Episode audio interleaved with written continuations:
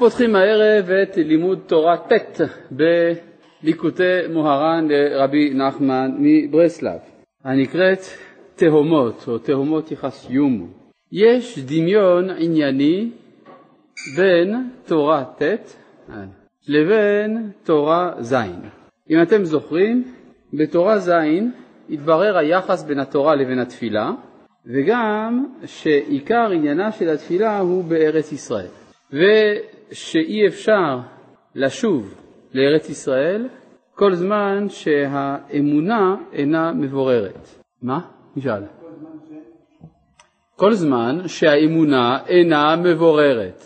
גם הדיבור אני צריך להשתדל. טוב, אה, גם למדנו שהאמונה אה, היא איננה אמונה במובן הפשטני, אלא דווקא האמונה בגדלות, להשתחרר מן האפיקורסות.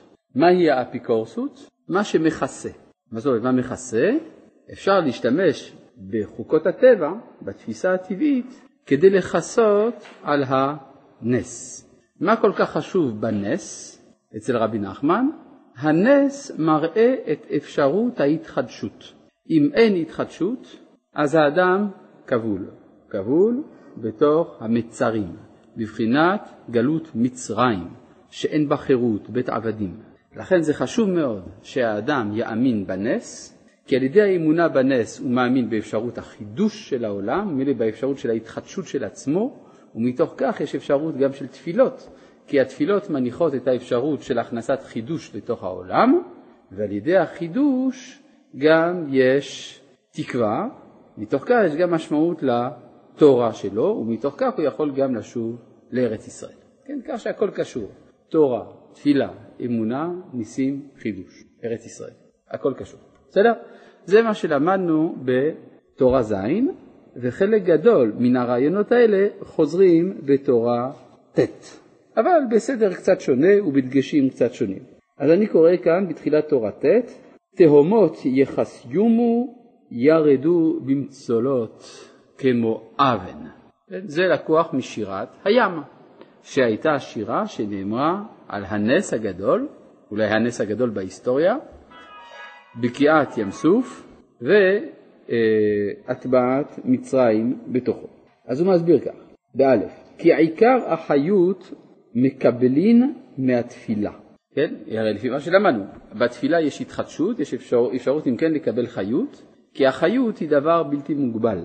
כמו שכתוב, הנה הוא מביא דוגמה שקושרים בין הדברים, תפילה לאל חיי. אם כן, התפילה קשורה לחיות. ובשביל זה צריך להתפלל בכל כוחו. מה זה כל כוחו של המתפלל? האם הכוונה שהוא צריך לצעוק? לא. כל כוח כוונתו, זה הכוונה. בכל כוחו, כלומר שהוא שם את כל עצמו בתוך התפילה. יכול להיות גם ביטוי בצעקה, גם זה יכול להיות, אבל לא הכרחי.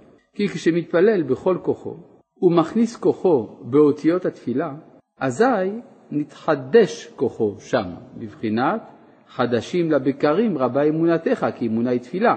כמו שכתוב, ויהי ידיו אמונה, תרגומו פריסן בצלו, או פרישן בצלו, זאת אומרת, אמונה זה לשון תפילה לפי התרגום, וכתוב חדשים לבקרים רבה אמונתך, זאת אומרת שהתפילה היא מחדשת את האדם כל בוקר, ובמיוחד אם הוא מתפלל בכל כוחו, אז מתחדש כוחו. דברים פשוטים. ודע שיש, זה דבר שהוא לא כל כך דיבר עליו מקודם, הוא גם הזכיר את זה, אבל כאן הוא מרחיב את זה יותר, שיש 12 שבטים כנגד 12 מזלות, כמו שכתוב בתיקון י"ח ובתיקון כ"א. וכל, מה פירוש דבר שיש 12 שבטים כנגד 12 מזלות? כשם שהמזלות הם סדר הרקיע, כך השבטים הם סדר העולם. זה הכוונה. וכל שבט ושבט יש לו נוסחה מיוחדת ויש לו שער מיוחד להיכנס דרך שם תפילתו. זה מבואר בארי ז"ל. הארי אומר שכל אדם צריך להתפלל לפי הנוסח של התפילה שמתאים לשבט שלו. מאחר ויש 12 שבטים, יש 12 נוסחאות של התפילה. לכן כל אחד צריך להתפלל לפי הנוסח של אבותיו, ואם אינו מתפלל לפי הנוסח של שבטו, יש ספק אם תפילתו מתקבלת. כן, ככה אומר האריזל, או הרעיון הזה חוזר כאן בליקוטי מוהר"ן. וכל שבט מעורר בתפילתו כוח מזלו, שב-12 מזלות. והמזל מאיר למטה, ומגדל הצמח, ושאר דברים, דבריו הצריכים אליו. כן, הרי אמרו חכמינו שאין לך כל עשב ועשב שאין לו מזל שמכה בו. מה זה המזל? זה הכוכב שמתאים לו. כן, זה היסוד של הטעות של האסטרולוגים, שהם חושבים שהם יכולים על פי סדר הכוכבים לקבוע את סדר העולם. זה ילדותי קצת, אבל יש, יש איזו התאמה והשפע הרוחני של המזלות עם העולם התחתון. והוא מגדל עצמו, וזהו פירוש, דרך כוכב מיעקב וקם שבט מישראל. אז הוא מסביר כאן, כוכב ושבט, הרי 12 שבטים, אז יש כוכב שמתאים לשבט, כן? וקם שבט מישראל, וקם זה בחינת עמידה, בחינת תפילה. כלומר, על ידי התפילה, לפי הנוסח של השבט שלי, אני מביא את הכוכב מיעקב שמכה בעשב. בסדר? וככה הוא מבין את הפסוק. אז וקם פירושו מתפלל. למה תפילה היא בעמידה? כי בתפילה אני עומד למשפט. הרי מתי אדם צריך לקום? כשעומד לפני בית משפט. איך אומר לו השופט? הנאשם יעמוד. צריך לקום.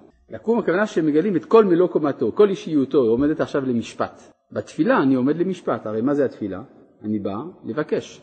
אה, אתה בא לבקש? צריך לבדוק אם מגיע לך, אז בוא נשפוט אותך. לכן זה נקרא להתפלל, לעמוד בפלילים. כן? יש פה מערכת משפט שבודקת מי אני. לכן אני צריך לעמוד. לכן אומר, דרך כוכב מיעקב וקם שבט מישראל, וקם זה בחינת עמידה, בחינת תפילה, כששבט מישראל עומד להתפלל, כלומר נוסח מיוחד, על ידי זה מעורר כוכב, והכוכב הוא דורך, כן, מה זה דרך כוכב? הדריכה זה סוג של הכאה, הוא מכה הדברים שיגדלו. כמו שאמרו חז"ל במדרש רבה, אין לך עשב מלמטה, שאין לו כוכב ומלאך מלמעלה שמכה אותו ואומר לו גדל. וזהו שאמרו חז"ל, קשין מזונותיו כקריאת ים סוף, וקשה זיווגו של אדם כקריאת ים סוף. מה הקשר לים סוף? כי הים, כי הים סוף נקרא ל-12 קרעים כנגד 12 שבטים. כלומר, בקריאת ים סוף התגלה הכוח של כל שבט ושבט, שהוא הכוח של התפילה שמכה בכוכב, שמעורר את הכוכב שמכה בעשב. כן, אני אנצל את זה שאתה שואל שאלה, בינתיים אני הולך למלא לעצמי כוס מים. מה אתה אומר? לא, אתה לא מישהו, הוא התנדב, הוא כבר יודע את כל ליקוטי מוהר"ן בעל פה, אז זה בסדר. כן, מה אתה אומר? אנחנו לא מכירים איזה נוסח היה של איזה שבט. אנחנו יודעים היום נוסחאות, ספרדים, אשכנזים, איטליאנים, תימנים אה, וכולי, יש כל מיני נוסחאות, ספרד, אז סך הכל אתה יכול להגיע ל-12, כן? אבל זה לא, זה לא בדיוק מתאים למה שהיה, כן? בבקשה. ודאי שזה קשור, כן. אתה אומר שחז"ל אמרו שישראל הם מעל המזל. זה בדיוק מה שכתוב כאן, שהתפילה היא עולה על המזל. יעבדוך עמי. הצלת את חיי. טוב, כן, מה אתה אומר? אה? מעורר את המזל שלו. בסדר, הרי הגמרא אומרת שכדי להתעורר, להיות מעל המזל צריך זכות. אז יש זכות מיוחדת שעולה עוד למעלה מזה. כי אז אה, ובני ישראל בתפילתם גורמים זיווגה דקודשא בריחו ושכינתה, כמו שכתוב סולו לרוכב, לרוכב בערבות, רוכב דא קודשא בריחו, ערבות דא שכינתה, שנתערב בה כל הגובנים, ולפי הזיווג שגורם בתפילתו, כן זוכה לזיווגו. זאת אומרת, שכינה היא הקליטה, היא תערובת, היא הקליטה של ההשפעות העליונות. אז קודשא בריחו זאת התיאוריה הכללית, שכינתה זה האופן שבו זה מתערב, הייתי אומר המינון של היערות, של השפעים במציאות. אז יוצא שיש קודשא בריחו ושכינתה, והתפילה הם 12 נוסחאות. לפיכך הזיווג כקריאת ים סוף שהם 12. כלומר הזיווג של האדם אין הכוונה לעם מי הוא יתחתן, אלא הוא גורם זיווג של קודשא בריחו ושכינתה, של המגמה הכללית עם המגמה הפרטית, זה נקרא זיווגו של אדם, וזה כקריאת ים סוף, כי זה נעשה על ידי 12 נוסחאות, כמו שהיה 12 קרעים בים סוף. ברור? כאן הוא מוציא את זה אם כן לגמרי מההיבט הפרטי. למרות שבספר המידות כתב רבי נחמן סגולה לזיווג, לשיר שירת הים בשמחה. מובן למה, כן? קשה זיווגו כקריאת ים סוף, אז אם אדם שר את שירת הים, אז הכל מובן. וגם, אז, אז, אז, אז אני, אני רוצה קצת להתעכב לגבי המושג הזה, קודשא בריחו שכינתה. כן? הרי המקובלים נוהגים לפני שהם אומרים, שהם עושים איזושהי מצווה, לומר תפילה שנקראת לשם ייחוד. לשם ייחוד קודשא בריחו שכינתה, ייחוד או זיווג של קודשא בריחו בזיווג השלים בשם כל ישראל, על ידי, אצל האשכנזים עושים על ידי ההוא תמיר ונעלם בשם כל ישראל. מבאר הרב קוק בספרו אורות, שהכוונה של קודשא בריחו זאת המגמה האלוהית שבכללות ההוויה. כלומר, אם אני מסתכל על כללות ההוויה, אני רואה איזשהו כיוון, איזושהי כוונה אלוהית שמתפשטת בתוך הקוסמוס כולו מראשיתו ועד אחריתו. זה נקרא קודשא בריחו.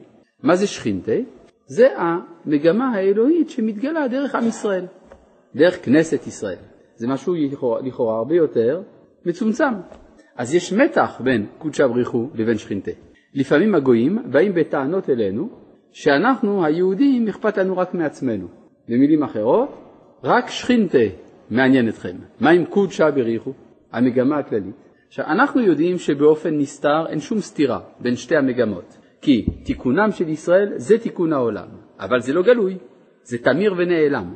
לכן אומר הרב קוק, השאיפה של, שמלווה לקיום המצווה זה שיהיה ייחוד בין קודשא בריחו, בין המגמה הכללית, לבין שכינתה, מה שמתגלה בכנסת ישראל. מובן?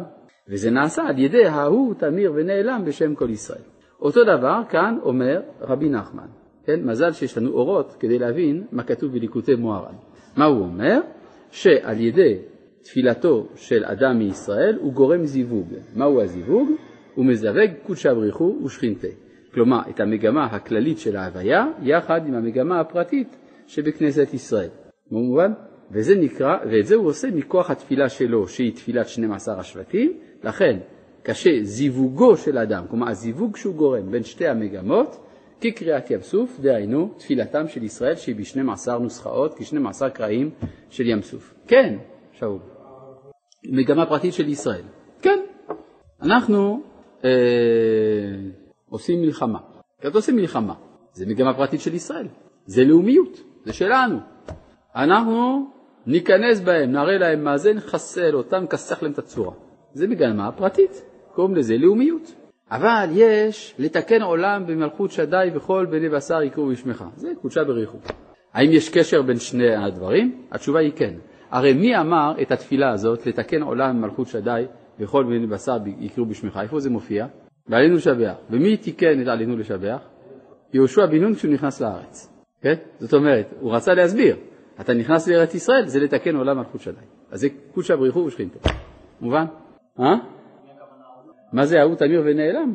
זה המגמה הכוללת את כל המגמות, שהיא יודעת את סוד האחדות שביניהם. זה, אבל זה דבר. אבל זה, זה מגמה נסתרת, מה? מה קודשא... ל... נו תגיד, דברים ברורים. קודשא בריחו ושכינתה, יפה. אלה הן שתי מגמות. נכון, נכון, יפה. זאת אומרת, יש שני סוגי כלליות. יש כלליות לעומת הפרטיות, ויש כלליות שכוללת את הכל, כוללת הפרטיות. בבחינת כל מקום שאתה מוצא גדולתו של הקדוש ברוך הוא, שם אתה מוצא ענוותנותו.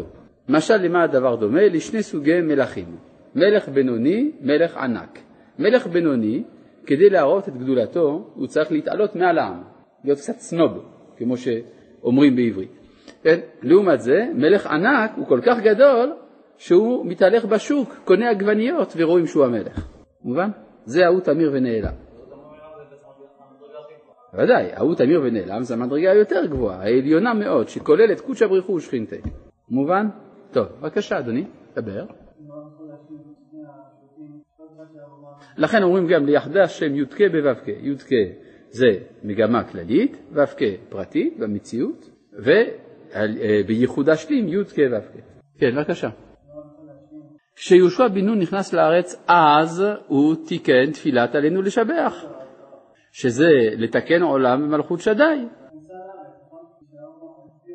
כן, כשהוא עמד להיכנס לארץ, שזה לכאורה מעשה פרטיקולריסטי לאומי אה, פרטי, כן, נציונלי, אה, שוביניסטי, אז בכל זאת, כן, התגלתה כאן מגמה קוסמופוליטית אוניברסלית כוללת, גלובלית.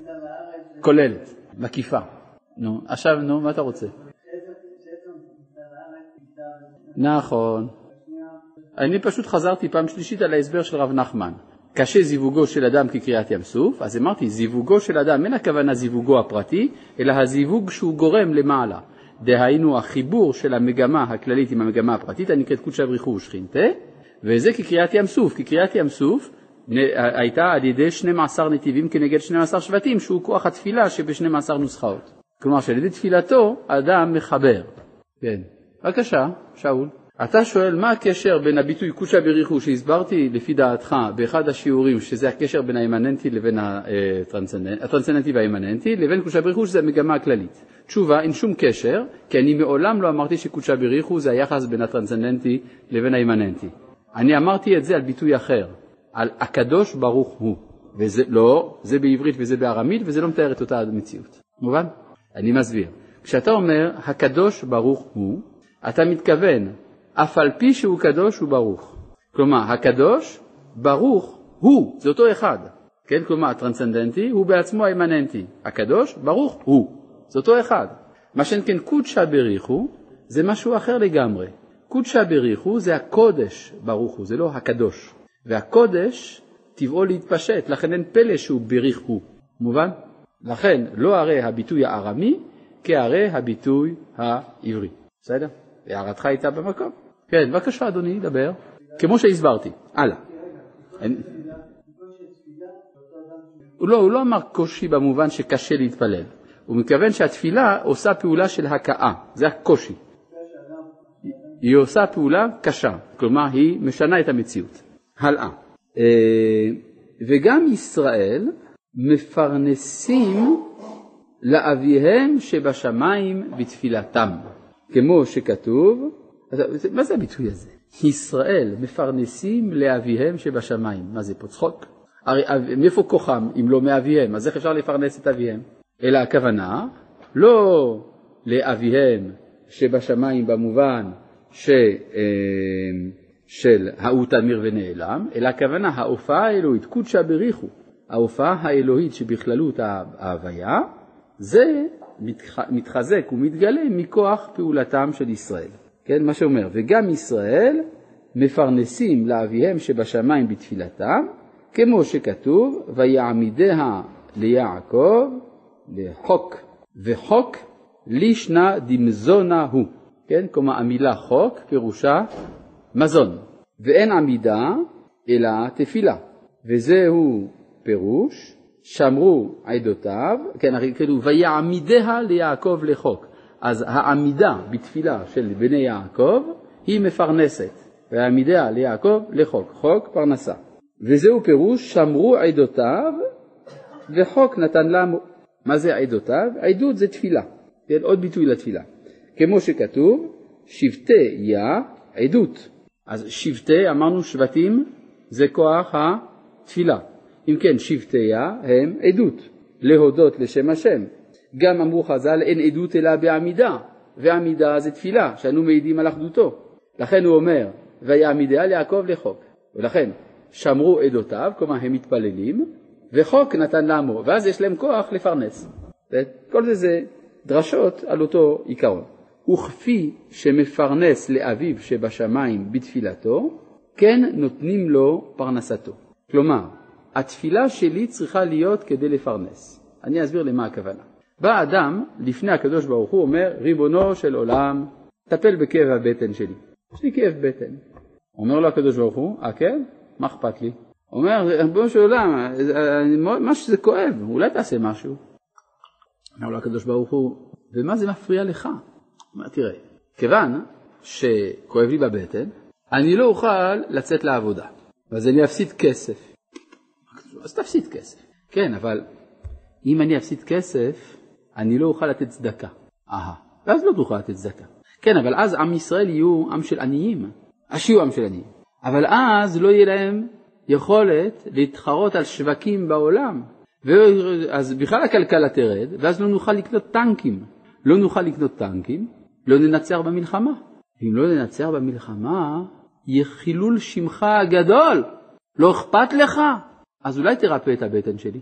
אומר הקדוש ברוך הוא, יודע מה, אתה רוצה לרפא את בטנך מאותם השיקולים שמדריכים גם אותי. אם כן, אין בעיה, אני ארפא את בטנך, כיוון שאתה רוצה מה שאני רוצה. זאת אומרת, מה? מה מוקלט? האם הדיאלוג הזה מוקלט? אני חושב שכן, כן. עכשיו, כן, כן, זה עובד, ריקורדים, כתוב, כן. עכשיו, מעניין, למה שאלת? עכשיו, אה, זאת אומרת שעל ידי תפילתי אני מפרנס, אבל זה, אם התפילה היא בשביל לפרנס. כלומר, שמרו עדותיו וחוק נתן לעמו, שהוא מתפלל בשביל לפרנס את אביו שבשמיים, ואז ממילא נענית תפילתו. זה מה שאומר. וכפי שמפרנס לאביו שבשמיים בתפילתו, הכוונה שהוא פועל לשם אידיאלים, כן נותנים לו פרנסתו. וזה קשין מזונותיו כקריאת ים סוף. היינו, מזונות נתחלק לי"ב שבילים לפי י"ב תפילות שבטיה. יוצא לפי זה שכל הנוסחאות חשובים מאוד, כי אם יחסר נוסח אחד בעולם, יחסר ממד מסוים של השפע. ברור? מכאן שצריך את כל סוגי העדות. צריך שפע אשכנזי, שפע חסידי, שפע ספרדי, שפע עדות המזרח, שפע בלדי, שפע שמי וכולי וכולי. להרבות בנוסחאות כדי שיתרבה השפע בכל העולמות. אה? אם נענית תפילה זה תוספת זיווג למעלה, כן, ברור. עכשיו נשאלת השאלה לפי זה האם לא ראוי לעשות נוסח אחיד. מה אתם אומרים? מה? לפי זה לא. מה? לא, אבל אני בכל זאת, כיוון שאני אוהב אחדות, אני מוכן לנוסח אחיד בתנאי אחד, שזה יהיה הנוסח שלי. עכשיו, סך הכל צריך להבין שאני הולך לקראתכם, זאת אומרת, אני הייתי מוכן לנוסח אחיד, תבואו לקראתי, שזה יהיה הנוסח שלי, מה הבעיה? הלאה, וצריך לזה, מה? מה? האם יש נוסח אחד שכולל את כל הנוסחים? יש אומרים את מה שאתה אומר, אבל זה לא נכון. כלומר, יש בחידה, במרן החידה, כתוב שנוסח הספרדים נכנס דרך 12 השערים, וכתוב בסוף המשפט הזה, סוגריים, הארי ז"ל, נכון? ככה כתוב בקשר גודל, נדמה לי שבעבודת הקודש של החידה, כתוב שנוסח הספרדים עובר דרך כל 12 השערים, סוגריים, הארי ז"ל. זה לא היה ולא נברא, ואני אסביר לך למה. אם תסתכל בדברי הארי עצמו, אתה תראה שהוא כותב את ההפך הגמור. הארי כותב שצריך, שיש 12 צינורות, 12 שבטים, 12 נוסחים, וצריך כל אחד להתפלל לפי נוסח אבותיו, שאם לא כן, ספק אם נענה תפילתו. עד כאן דברי קודשו. עכשיו, רגע, המילים האלה מועתקות מילה במילה על ידי החידה. אחר כך החידה הוסיף מדעתו, ונוסח הספרדים עובר דרך 12 השערים. עכשיו, המדפיס שם הארי ז"ל בסוף המשפט שהוסיף החידה. ואז כולם חושבים שלפי הארי נוסח הספרדים עובר דרך 12 השערים. זה לא נכון, זה מישהו שהוסיף את זה. אולי זה החידה הוסיף את זה, אולי מישהו אחר הוסיף את זה, אבל ברור שזה לא דעת הארי. כן? לא יודע, אבל אה, אין לנו אלא מה שכתוב. כן? הלאה. מה? נוסח חב"ד. נו, אז מה? זה אחד הנוסחים. בסדר. הלאה. אה, וצריך לזה זכות גדול. אוי, עבדוך עמי. וצריך לזה זכות גדול, שיזכה אדם להעלות תפילתו דרך שער השייך לשבטו. כלומר, זה לא כל כך פשוט. יש בהלכות נדרים, כתוב בפרשת מטות, וידבר משה אל ראשי המטות לבני ישראל לאמור, זה הדבר אשר ציווה השם לאמור, איש כי יפלי נדר לשם, לנדור נדר לשם או יישבע שבועה לאסור איסר על נפשו, לא יחל דברו ככל היוצא מפיו יעשה. אז אם כן, פשט הכתוב, אדם נודר נדר או נשבע, אסור לו להפר את דבריו, לא יחל דברו. אבל חז"ל ראו שמה רמז דווקא להתרת נדרים, כי אמרו לא יחל דברו, לכאורה. מה הצורך לומר את זה? אם אדם נשבע, צריך לעשות מה שהוא אמר. זה שכתוב לא יחל דברו, זה רומז לאפשרות לחלל דברו. מהי האפשרות? אומרים חז"ל, הוא אינו מחל, אבל אחרים מחלים לו. מי זה אותם האחרים שיוכלו להתיר לו את הנדר, שיוכלו לאחל לו? אומרים חז"ל, בית דין. איפה כתוב בית דין בפסוק? כתוב בהתחלה, וידבר משה אל ראשי המטות, לבני ישראל לאמור. למה אתה צריך, אם אתה מלמד הלכות נדרים, לדבר דווקא עם ראשי המטות? דבר עם כל עם ישראל. אלא מזה למדו חז"ל, דבר זה לא יהא מסור אלא לראשי המטות. אז מכאן שבית דין יכול להתיר נדרים. פה שוב נשאלת שאלה, מדוע בית דין מקבל את הכינוי השירי ראשי המטות? בדרך כלל איך נקראים בית דין בחז"ל, בתורה? עיני העדה או אלוהים, עד האלוהים, אבל ראשי המטות, ביטוי חדש בשביל בית דין. ראשי המטות זה כאילו בא לומר שהתרת הנדרים היא שבטית. אה כן? שבטית? למה שבטית? אה, פשוט מאוד. הרי כשאתה בא להתיר נדר למישהו, אתה צריך לחקור מה הייתה כוונתו בשעת נדרו כדי למצוא פתח. אם אתה לא מהמשפחה שלו, איך תדע למה הוא התכוון? מה הייתה מידת הרצינות של נדרו? אם אתה לא מבין את המנטליות שלו, אתה לא חי בעולמו הוא. לכן, התרת נדרים האידיאלית היא של ראשי המטות, לכן זה דבר שבטי. עכשיו, מכאן אנחנו מבינים ששבטים, מטות, אותו עיקרון, נכון?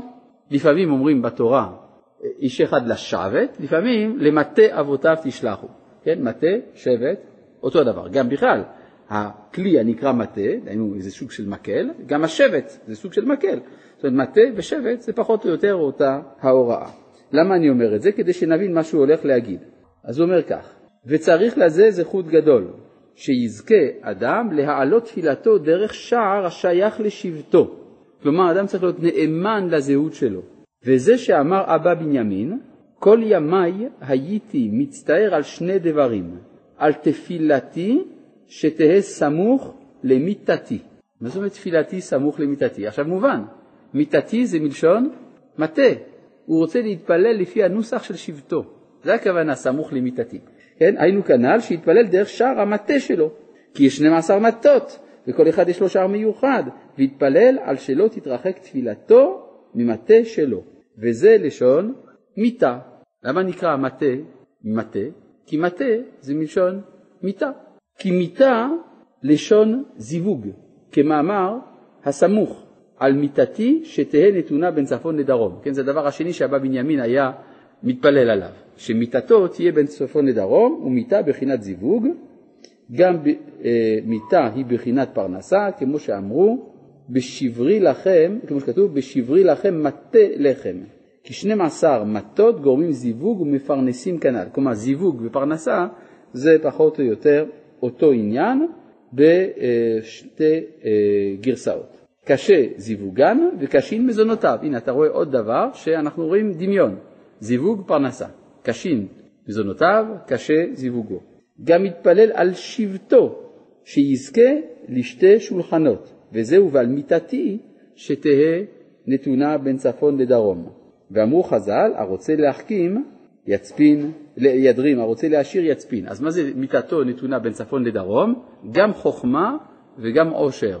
חוכמה זה שייך לשולחן של עולם הבא, עושר זה שייך לשולחן של עולם הזה.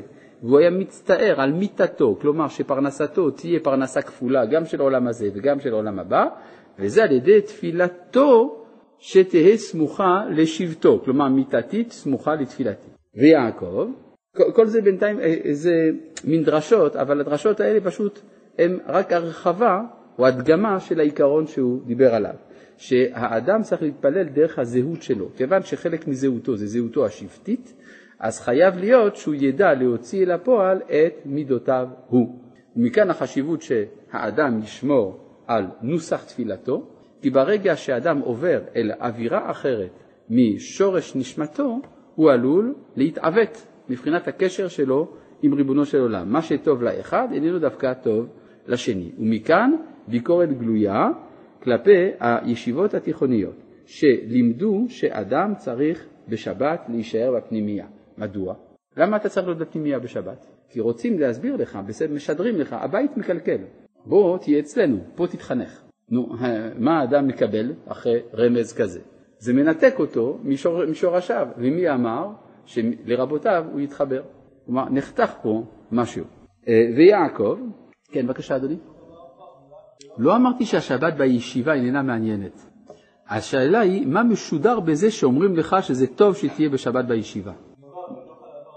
זה, אגב, זה לא אמור לגבי מכון מאיר. מכון מאיר, כבר אתם אנשים בוגרים, אנשים שכבר אה, גמרו את הבגרות, היו בצבא, וכל החבר'ה שאם כן, שלומדים במכון מאיר, אדרבה, יבואו לשבת, לקריית ארבע, ויזמינו את החברים שלהם. לא, לא, אין זה דומה לזה כלל וכלל. ובכן, נדבר, נמשיך. משהו אחר, זה לא רק שזה מרצון, זה כבר, האדם כבר בנה את עצמו, כן? ואיזה כיף זה להיות כל מכון מיר בשבת ביחד, מה, לא שווה? מה אתה אומר? אתה אומר ככה, יש מניע חינוכי שבבית זה לא תמיד הכי הכי. זה נכון, אבל יש דבר אחד שיש בבית שאין בשום מקום אחר, והוא שזה הבית. זה כמו שתגיד לאדם, תשמע, ההורים שלך, זה חבל שאתה נולדת להם, אבל זה ההורים שלך. יש אה, ב, במראה הסנה, כשהקדוש ברוך הוא נגלה אל משה, כן? אז משה מתקרב, מה זה הסנה הזה? פתאום הוא שומע קול. מה הוא אומר לו? אנוכי אלוהי, נו תגיד אתה, אלוהי מה? שאלתי, מה אתה אומר? מה כתוב שם? אביך, נכון? כן, לא, כלומר, אנוכי אלוהי אביך, אלוהי אברהם, אלוהי יצחק ואלוהי יעקב. אז הוא מתחיל קודם כל מאביך. ואביו זה היה עמרם. חז"ל אמרו, בוא רגע, חז"ל אמרו, הוא דיבר עמו בקול של עמרם אביו. למה? כי הקול של עמרם זה היה הקשר של משה לעם ישראל. הרי הוא גדל בבית פרעה, אחרי זה במדיין. מה היה נקודת ההתחברות שלו אל הזהות העברית? מה קושר אותו לאלוהי אברהם, יצחק ויעקב? אלוהי אביך. כלומר, לכל אדם יש החוט שלו שקושר אותו אל הזהות העברית. והחוט הזה זקוק לפרנסה ואסור לחתוך אותו. כסיפור המפורסם שקרה בבגדד. מכיר? עם הביצים? לא מכיר. אה, זה סיפור מפורסם, אמיתי אגב, היסטורי. היה בזמן רבי עבדאללה סומך, רבו של הבן איש חי בבגדד, היה יהודי אחד שהחליט להתאסלם. היה חוק אצל הטורקים ששלטו אז בעיראק, היה חוק שכשמישהו רוצה להמיר את דתו, לא משנה לאיזה כיוון, מותר לו להמיר את דתו רק אחרי שראש עדתו ניסה לשכנע אותו לא לעשות את זה. אז הגויים שמעו שיש יהודי שלא עליכם רוצה להתאסלם, הזמינו את הרב, רבי עבדאללה סומך, והרב דיבר איתו שעה שלמה, ולא עלה בידו לשנות את דעתו, עד שהרב התייאש. עמד ללכת, ואז נכנס לחדר חבר ילדות של אותו בחור, ואמר לו, אני מכיר אותך משנים רבות, ואני יודע מה אתה אוהב. תדע לך, שאם תתאסלם, לעולם לא תטעם יותר את הטעם שיש לביצים בחמין של שבת, והוא לא יתאסלם. כלומר, זה רציני מאוד, כן? החוט שקושר את האדם לזהות כלשהי זה לא פילוסופיות, יש חוויה מקורית. צריך לברר מהי. אם אתה אומר לאדם, תשמע, בבית שלך שרים אגדלך, פה שרים אה, שמרו שבתותיי, וזה יותר טוב, אז הוא מבין שמה שקשר אותו לזהות העברית לא שווה. משל למה הדבר דומה? לאדם שנותן דרשה נלהבת בבית הכנסת ואומר, מוריי ורבותיי, כדורגל זה הבל וריק. בא אותו יהודי שתמיד אחרי התפילה רץ למגרש, הוא שומע את הרב שאומר, כדורגל זה הבל וריק. זה עושה לו שוק. ואז הוא, אבל הוא אומר לעצמו, הרב היה משכנע באמת. באמת כדורגל זה הבל וריק. ואז הוא מפסיק ללכת למגרש של בית"ר, והוא גם מפסיק להגיע לבית הכנסת, והוא יורד מן הארץ ומתחתן עם גויה. הבנת מה שעשית? צריך מאוד להיזהר מהדברים האלה. כן? כי כשבאים לתת תוכחה, גם אם התוכחה היא באופן סמוי כדי להעלות את האדם וכולי, יש פה תוכחה, תוכחה סמויה, התוכחה הזאת עשויה לדתק את האדם מהקשר היותר עצמי שלו. לכן אינני חוזר בי מהביקורת האומנם מתונה על ההנהגה שבישיבות התיכוניות. כי לפעמים עדיף להיות בבית שיש בו בעיות, אבל זה הבית. כלומר, חלק מבניין האישיות זה על ידי שהאדם משקם את תדמית ההורים שיש לו. כן? כלומר, והמגמה אמנם הסוציאליסטית, הקיבוצניקית, היא, המפא"יניקית, היא שצריך שהאדם יהיה אדם חדש. אבל אין אדם חדש, לכל אדם יש שורשים. כן. האם הקומה של תורה צריכה לבוא בשלב מאוחר? ודאי. הווה גולל למקום תורה. אז כדי לגלות, צריך לגלות ממשהו.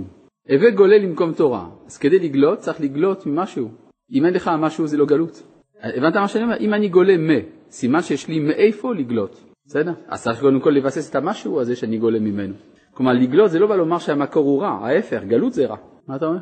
איך זה מתפקד שהאדם מתקשר דרך צינור אחד ליהדות? כמו שכל דבר. יש רק צינור אחד שקושר אותי לכל דבר שהוא. למה? ככה נפש האדם בנויה, מה אני אעשה? סליחה, אתה לא מבין את זה, כי אתה, מה שקושר אותך ליהדות זה לא הכדורגל.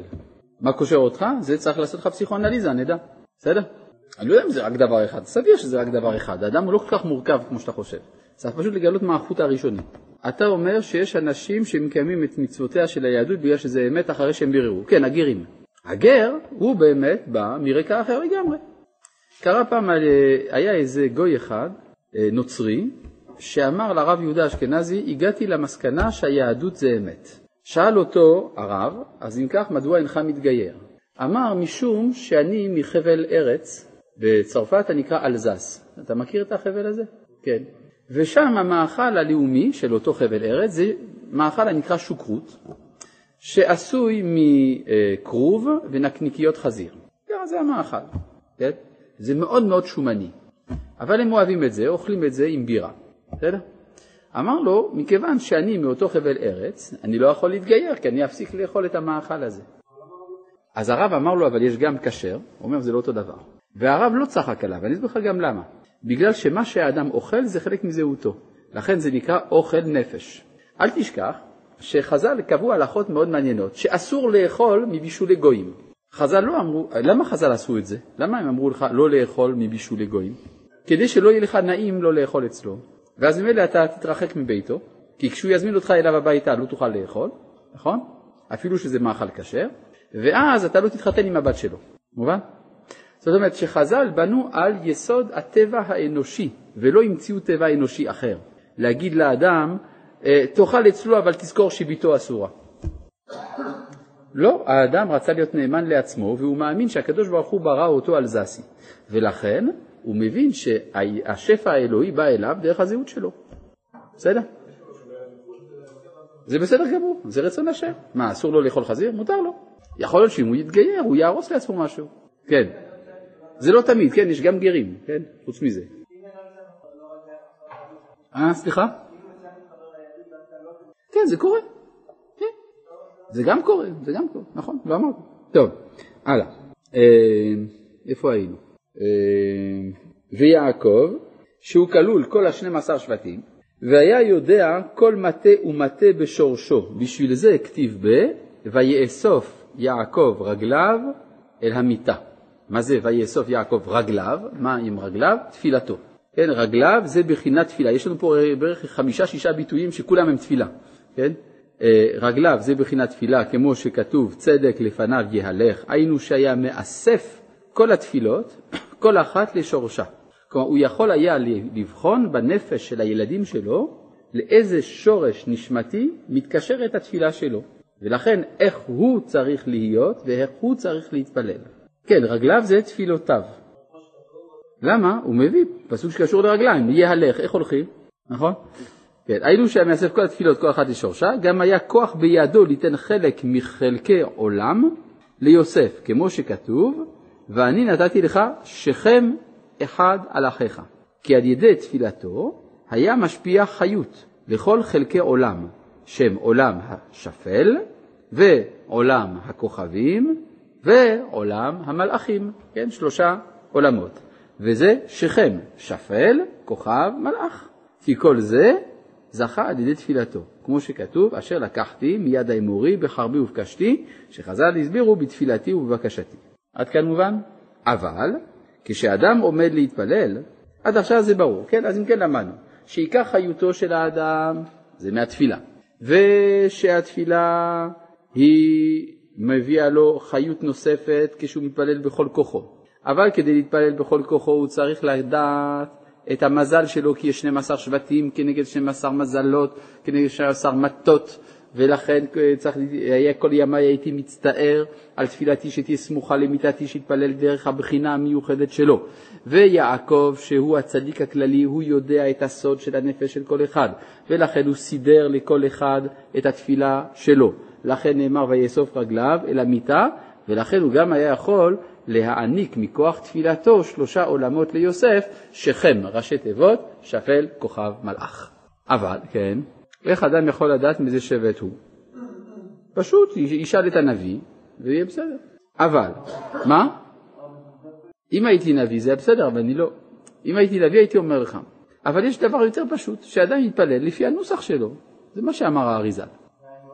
הוא אומר שזה קרוב להיות היינו הך. כן, מה אתה אומר? טוב. לא. אבל כשאדם עומד להתפלל, אזי באים מחשבות זרות, וקליפות, ומסבבים אותו. מדוע? כי כדי להתפלל אני צריך לעמוד מול השם. זה הדבר המפחיד ביותר שיש בעולם, ולכן המתפללים עושים את הכל כדי לא להתפלל. זה אפשר לראות את זה בבתי כנסת, איפה שמתפללים, משתדלים מאוד שלא להתפלל, נכון? גם מסופר על איזה אה, עגלון, תמיד בסיפורים העגלון זה יהודי פשוט. היה לו משפט עם איזה גוי, והגוי בא וטען טענות, והעגלון נשא נאום משפטי מורכב, עם כל מיני טענות, מכל מיני פינות, כמובן ניצח במשפט. אמרו לו, תגיד, אתה כל הזמן עסוק, אתה עגלון וזה, עוסק בדברים פשוטים, מתי יהיה לך זמן בכלל לחשוב על כל הדברים האלה? והגוי הזה לא, הוא אומר פשוט, הוא לא מתפלל, אני מתפלל. כן, ברור. זאת אומרת שיש איזו יראה של בני האדם מן התפילה, שעל זה נאמר קירום זולות לבני אדם, אומרים חז"ל, דברים העומדים ברומו של עולם ובני אדם מזלזלים בהם.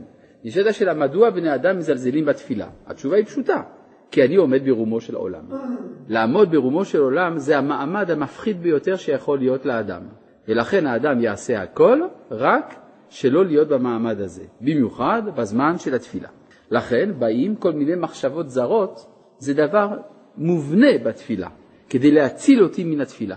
לכן, כשאדם עומד להתפלל, אזי באים מחשבות זרות וקליפות ומסבבים אותו ונשאר בחושך, ואין יכול להתפלל, כמו שכתוב, סקותה בענן לך מעבור תפילה, וכתיב סביב רשעים יתהלכון, שהרשעים היינו הקליפות מסבבים אותו כרום זולות, היינו בשעת התפילה שהיא עומדת ברובו, ברומו של עולם.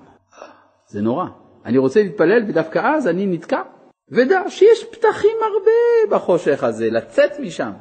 אפשר, יש דרכים איך להימלט מן הקליפות. וכמו שאמרו חז"ל, הבא להיטמא, פותחים לו. יש לו פתחים הרבה. נמצא שיש פתחים הרבה בחושך, גם לצאת משם. כלומר, אם פתחו לו כדי להיטמא, אז מאותם הפתחים שבהם הוא נטמע הוא יכול לצאת. אבל האדם הוא עיוור, ואין יודע למצוא הפתח. ודע שעל ידי אמת זוכה למצוא הפתח. צריך איזושהי נקודת אמת שתעזור לו להשתחרר מן המחשבות זרות המסבבין את תפילתו, ובזה נעסוק כל זאת ועוד בפעם הבאה בעזרת השם, שלום.